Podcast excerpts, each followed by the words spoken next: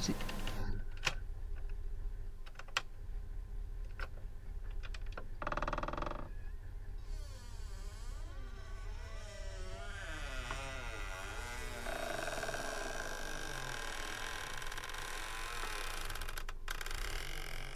Selamat datang di Juniper Podcast. Kembali lagi bareng Mimi nih ya. Sudah absen lumayan lama Dari episode Hotel Angkernya Mas Dion. Itu lumayan lama banget uh, Mimi ucapin selamat datang kembali Buat teman-teman yang uh, Pendengar setianya Juniper Podcast Pendengar baru Selamat datang. Cuma podcast udah nembus 24 follower terima kasih. Um,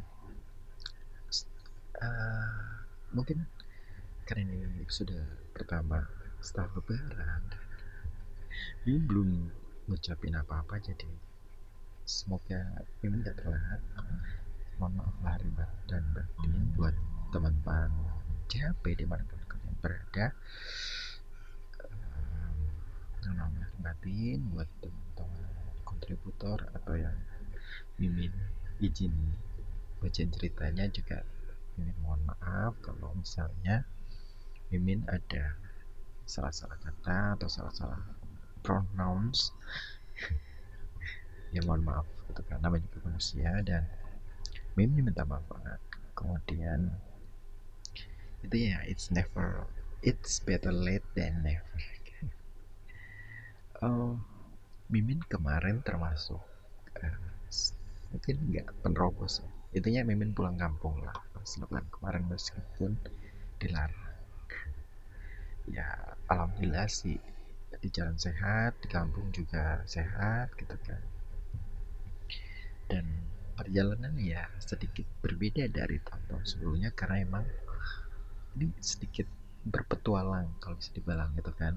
Karena buat menghindari penyekatan Mimin mendingan muter gitu daripada ngantri sampai dibukain gitu. Mendingan cari jalan tikus. Dan kemarin Mimin gitu gitu. Uh, cari jalan tikus gitu. Dari Kalimalang tembus-tembus Karawang tapi perjalanannya luar biasa sampai sampai ini loh apa? Nyebrang kali pakai getek motornya dinaikin buset dah seru banget bos. Gila itu sih terus di daerah Cirebon juga pokoknya muter-muter lewat sawah gitulah. Lewat rumah-rumah warga gitu. Seru banget sih jadi tapi jadi lumayan lama gitu yang normalnya itu 8 jam lebih 10 jam lah paling lama itu bisa bisa lebih dari itu gitu. Karena emang muter-muternya gitu kan. Dan itu rame banget gitu jalan tikus tapi rame banget gitu dan sebenarnya nggak ada cerita horor di perjalanan gitu. tapi ya nggak gue ngomongin cerita horor perjalanan atau di kampung karena justru gue uh, kali ini uh, Mimin bakal ceritain uh, Mimin bakal flashback gitu cerita-cerita horor zaman Mimin masih di kampung masih muda lah kecil gitu lah. Maksudnya jam zaman SMP SMA lah gitu. Soalnya lumayan banyak mitosnya gitu pas zaman uh, zaman itu gitu kan. Di sekitar kampung Mimin gitu kan. Sebelum mulai ceritanya uh, Mimin ingetin sekali lagi. Buat kalian yang punya cerita tentang kampung atau tentang apa yang penting pengalaman mistis. Meskipun udah dibacain tempat lain boleh kau dikirim ke sini it's okay to share with mimin atau teman-teman siapa yang sering dengerin atau yang lagi mampir di podcast mimin gitu. Nggak apa-apa it's okay. Uh, lihat aja di deskripsi kalian bisa cerita di Google Form di situ bisa copy paste cerita kalian atau kita kalian tinggal ketik juga boleh.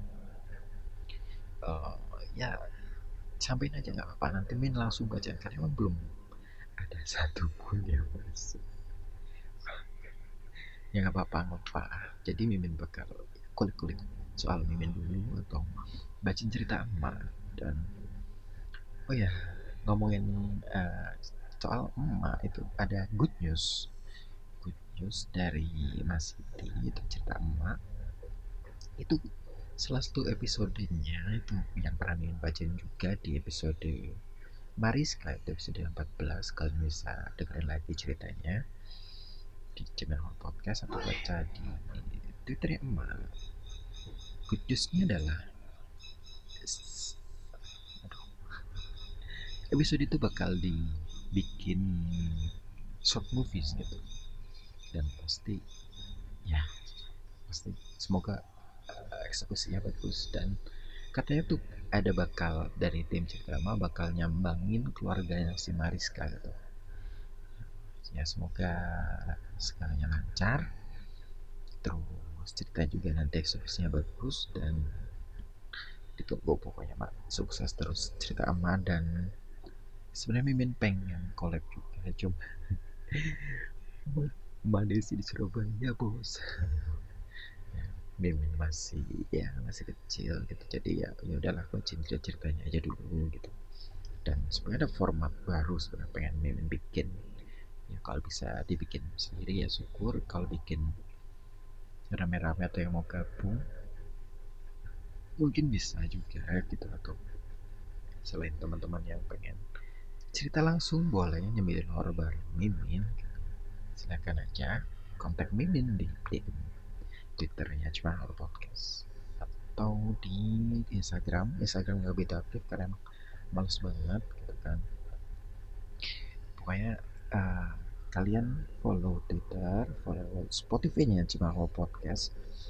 Keren cuma podcast belum eksklusif di Spotify. Ya, terima kasih. Tapi buat yang terima kasih banget buat yang follower. Dulu buat follower Mimin ya. Sudah bersedia follow dan selamat mendengarkan. Dengerin aja dulu cemilin nanti juga dengar. Selamat mendengarkan begitu ya. Jadi ini bakal ceritain bukan mitos ya cerita-cerita seram yang dulu sempat beredar gitu di di kampungnya Mimin lebih tepatnya gitu kayak ya dibilang urban legend bukan tapi ya mungkin lagi hype aja waktu itu. Uh, tapi gue awalin dari ini lah.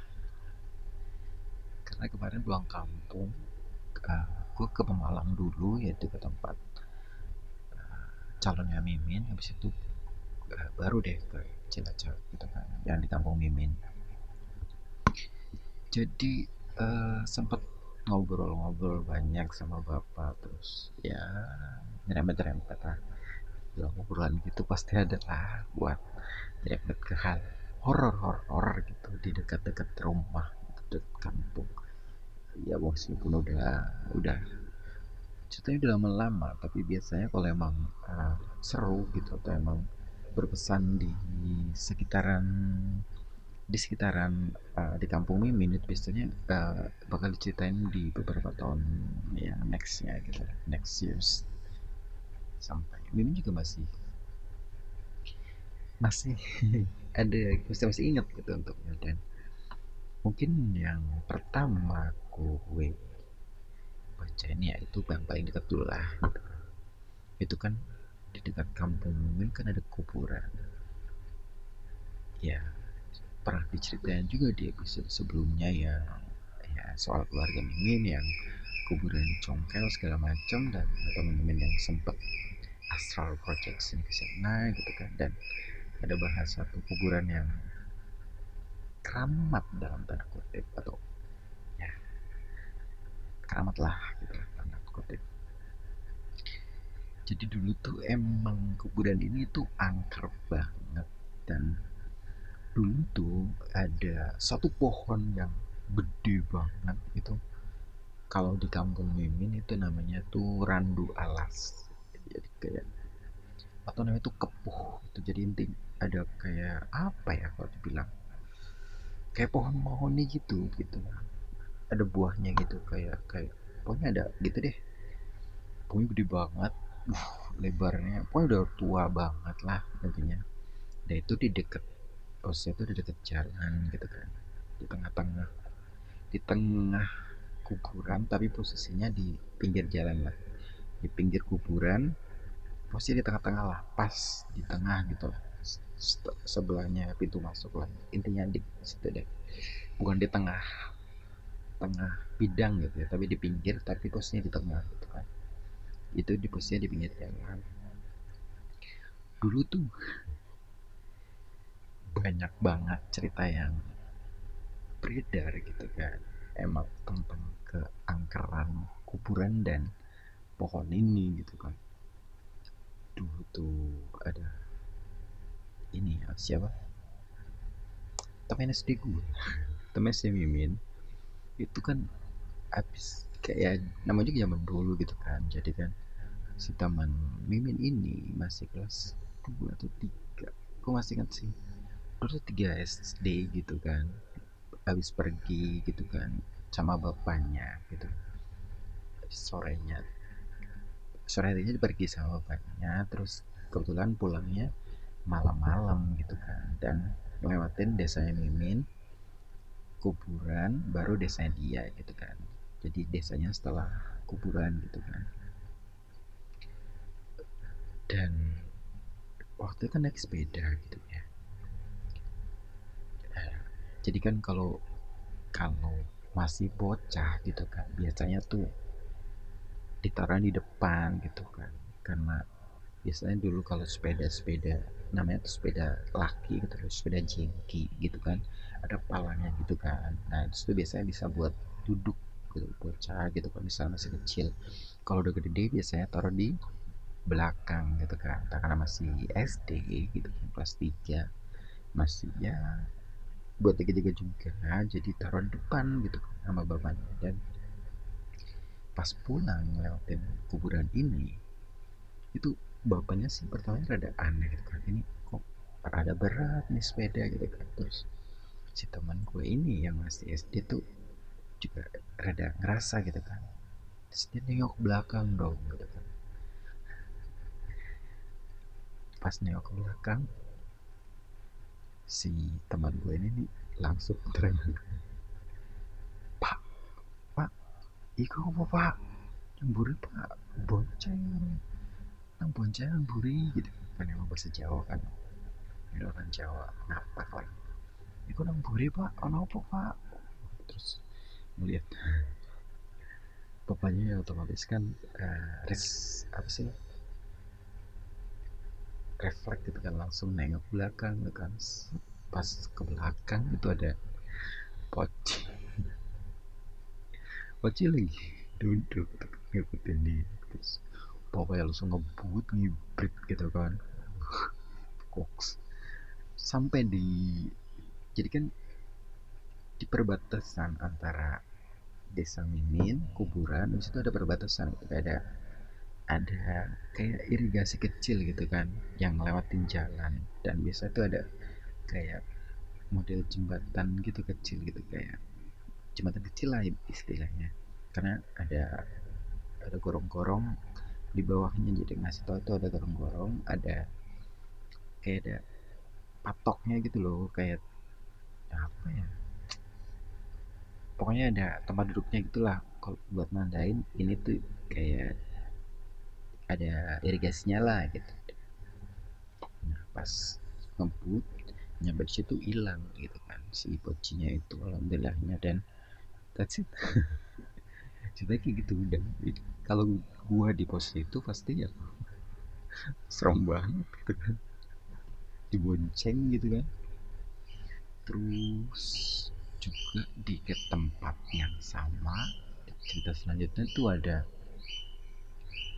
gue sih nggak tahu ini siapa bukan teman gue tapi ceritanya tuh ya nyebar dari mulut ke mulut gitu loh. Jadi jadi ada apa? Jadi ada orang gitu. Ya masih desa desa desanya teman gue lah.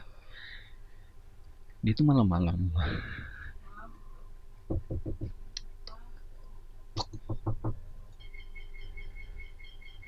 Lanjut ke ceritanya aduh sampai malah tadi. Aduh suruh mandi lagi. Oke. Jadi kan uh, salah satu uh, tetangganya temanku gua gitu kan uh, yang itu sama pulang malam-malam lewat kuburan itu gitu kan.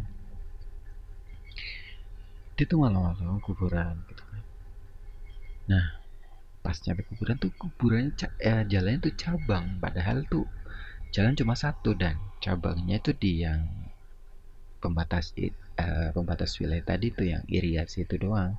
Nah itu posisi itu masih di kuburan tapi jalan udah cabang gitu kan. Dia uh, pilih salah satu uh, jalan itu ya udahlah lewat sini aja gitu kan. Ya udah dia lewat salah satu gitu kan. Set, belok tapi rasa tuh kayak nggak sampai-sampai gitu kan. Muter kok tempat sini lagi? gitu. Jalan terus kok tempat sini lagi? gitu kan. Sampai uh, dia itu nabrak sesuatu gitu kan. Tak gitu. Jatuh. Nah dari situ dia sadar ternyata dia tuh sepedaan di dalam kuburan. Imagine that gak sadar. Dia ternyata masuk kuburan gitu loh. Dia kayak di selong gitu loh. Dia sadar pas nabrak kicing gitu kan. Jatuh nabrak kicing gara-gara nabrak kicing udah kabur keluar. Keluar uh, ada pintu gerbangnya gitu. Di dalam pintu gerbang terus ya udah dipulangi ke rumahnya gitu kemudian ada di ada kejadian juga di yang pembatas bukan di kuburannya tapi di pembatas wilayah gitu di perbatasan desa gitu yang tadi irigasi itu. Jadi salah satu tetangga gue yang emang kadang kan kalau lagi musim kemarau biasanya kan susah tuh air kan. Nah si tetangga gue tuh lagi nyari air ibaratnya nungguin air gitu kan. Oh biar area cukup. Nah itu ntar mesinnya dimatiin. Gitu gitulah modelnya. Nah waktu itu dari gue kan habis nungguin air gitu kan. Nungguin sawah lah.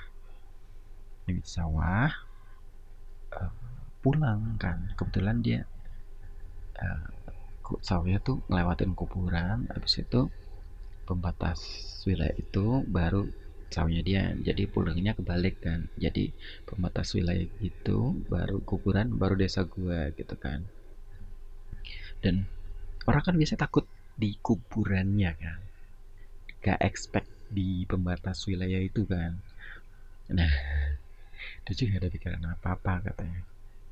Itu dia baru lewat pembatas belum nyampe gitu. Baru lewat pembatas tuh ada poci ya nggak sih. Pertama bukan poci. Jadi kayak ya putih gitu aja sih. Kalau putih di malam-malam kan kelihatan banget gitu kan. Oh ini putih ini gelap gitu kan. Kelihatan banget gitu kan. Dari jauh dia tuh wah apa nih? gitu kan putih. Wah pocong nih mungkin gitu mikirnya. Nah pas baru sampai kok tambah tinggi tambah tinggi tambah tinggi buset. Itu pocong tuh ndedel kalau bahasa bahasa bahasa kampung mimin gitu. Dedel itu tambah tinggi gitu kan. Nama tinggi nama tinggi nama tinggi. Wah dia udah gemeter pas udah tambah tinggi itu terus ngebut lewatin pembatas lawan kuburan terus langsung pulang gitu. Ya ya abis itu ya rame ceritanya kan. Jadi orang pada jadi rada apa ya kalau cerita horor terus uh, kita ngelewatin suatu tempat yang diceritain. Jadi orang kan wah di sini serem nih di sini gitulah modelannya. Kemudian ada lagi nggak di kuburan itu ya? Um, oh iya. Gini gini. Jadi kan tadi gue bilang ada pohon gede kan dan itu pas masih mimin zaman SD SMP gitu kan Nah, di zamannya Mimin SMA itu berapa tahun lalu, kan udah lama-lama banget lah. 15 tahun lalu lah. Akhirnya itu karena mau dipagar si ya tadi kan pagernya biasa aja gitu kan. Pohon-pohon gitu. pohon sama kayu lah biasa dan dan uh, waktu itu mau dipagar sekelilingnya pakai tembok gitu. Jadi jadi uh, kuburan aduh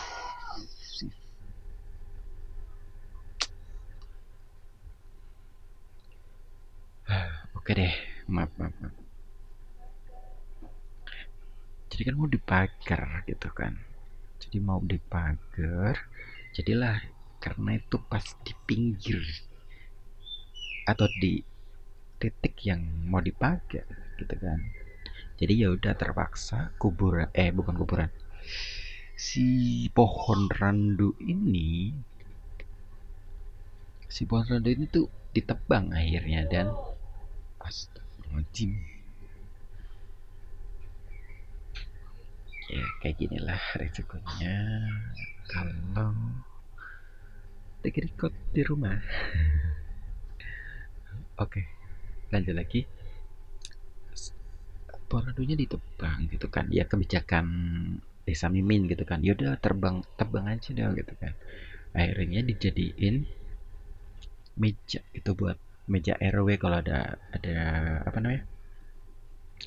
Ada kumpulan arisan gitu. Jadi bisa dipakai gitu kan. Karena emang gede banget jadi bisa jadi berapa meja lah. Nah sebelum jadi meja kan udah dipotong-potong. Eh iya udah dipotong lah dipotong ya potong masih gelondongan gitu. Dan salah satu gelondongannya eh pokoknya ya masih ada potongan dah. Dan potongannya itu ya lumayan gede gitu ditaruh di belakang rumah Mimin. Niatnya emang ya nggak sering sih cuma kadang-kadang ya karena nggak ada yang mau ngasih tempat gitu jadi dibikinnya di yang nggak tahu sih dulu rundingannya gimana intinya satu potongan itu ditaruh di belakang rumah mimin gitu kan. Taruh di belakang rumah. Dan kelihatan apa? Setiap malam. Entah ini mitos tau beneran atau gimana gitu. Tapi Mimin sempat denger langsung gitu kan. Malam-malam itu setiap jam berapa ya? Dua atau jam tiga malam tuh bunyi gitu. Tak tak tak tak tak tak, tak, tak. kayak dipukul-pukul gitu loh. Bunyi lah pokoknya jam dua atau jam tiga malam sampai sebelum subuh. Dan itu udah nyebar ke mana-mana mitosnya. Udah satu desa tahu kalau di belakang rumah Mimin di pohon itu yang dipotong potongan pohon lah lebih tepatnya itu bunyi tiap malam sebelum jadi meja lebih tepatnya. Dan itu sempat sempat ini sempat ramai banget lah dibahas. Jadi jadi mit gitu. Kemudian beralih dari dekat-dekat rumah Mimin. Jadi jadi di ya masih berhubungan juga sih yaitu dekat sawah-sawah gitu. Tapi rada jauh tempatnya. Jadi itu uh, uh, jadi kalau ke ke laut gitu kan setelah desa Memen tuh kalau menuju ke laut gitu itu ada sawah yang lumayan luas gitu. Kalau bisa dibilang itu jalan lewatin sawah yang panjang banget lah jalannya itu. Dan di antara sawah itu itu ada satu kali yang cukup gede. Dulu Mimi anggap gede tapi sekarang kecil ternyata. Ya udah tumbuh jadi ya kelihatannya kecil tuh kali. Dulu sih gede banget kalau kata Mimin tapi jembatannya itu itu akrab banget. Coba tuh buset ya ceritanya macam-macam dan salah satu yang lumayan heboh waktu itu tuh. Jadi kan ada tetangga tetangga desa sih sebenarnya. Gimana ya kalau dibilang ya di desa Mimin tuh uh, desanya itu terdiri dari berapa gerumbul gitu kalau ibaratnya berapa wilayah lah. Dan gerumbul itu ada namanya sendiri-sendiri dan yang mau menceritain ini itu gerumbul lain dalam satu desa gitu kan tetangga lah. Tetangga gerumbul kalau lebih tepatnya. Nah jadi kan dia habis dari seberang sawah eh seberang pokoknya intinya kan ada desa lagi di setelah sawah ini gitu jalanan sawah. Yang banyak kiri kanannya sawah itu ada desa lagi menuju ke pantai itu ada ada desa kan pasti gitu kan. Dan itu habis dari arah sana gitu kan. Lewat bulak sawah ini gitu kan. Lo dia malam-malam lewatin jembatan ini gitu kan. Nah pas lewatin jembatan ini tuh itu dia di pinggir jalan itu ngelihat cewek gitu dia lagi mas uh, ngawe-ngawe gitu loh minta numpang gitu loh. Mas Rene mas aku numpang mas sering perapatan gitu kan. Jadi mau ke perempatan depan gitu kan desanya dia gitu kan. Jadi kan lumayan ramai di depan sebenarnya gitu kan. Mas Rene mas aku pengen numpang hari ngarep gitu kan. Ya udah karena yang awal itu cewek cakep gitu sih katanya cakep waktu itu kata. Cakep terus. Ya udah dia boncengin gitu kan. Kalau dipikir itu kayak kayak pernah nonton Susana nggak sih? Bang Bokir Bang Dor eh, Dorman apa? Norman eh pokoknya gitu deh ceritanya. Mirip-mirip itulah. Jadi diboncengin. Nah pas belum nyampe perempatan kan emang lumayan panjang gitu kan. Jadi setengahnya lagi udah mau nyampe lah gitu kan udah mau nyampe apa? Udah mau nyampe perempatan gitu kan yang rame di desa dia. Pas mau nyampe tuh loh kok mbaknya nggak ada gitu kan? Persen tadi belum turun gitu. Ternyata pas lihat ke belakang tuh mbaknya terbang. Mbaknya tuh terbang coy udah bonceng tapi terbang ya? Goblok banget. Mbaknya tuh terbang gitu kan. Wah gitu itu belakang ternyata punya terbang sih mas ini gitu kan. Langsung tancap gas gitu kan. Wah. Langsung ngebut itu. Dan si mbaknya tuh ketawa-tawa gitu pas dia terbang. Nyampe di perempatan dia langsung kan emang rame gitu di perempatan. Dia, dia kayak orang kesetanan kan karena ngebut. Nyampe di perempatan. Tanya kan wah mas kenapa mas? Wah no sendel ano kunting anu kono. Nanti kan jembatan gitu. Udah gitu besokan dan seterus-terusnya tuh rame banget soal soal apa si kunti jembatan ini gitu. Dan gue masih ingat sampai cerita ceritanya gitu kan. Sebenarnya ada oh ya ada situ lagi gitu kan. Di deket di perempatan yang sama.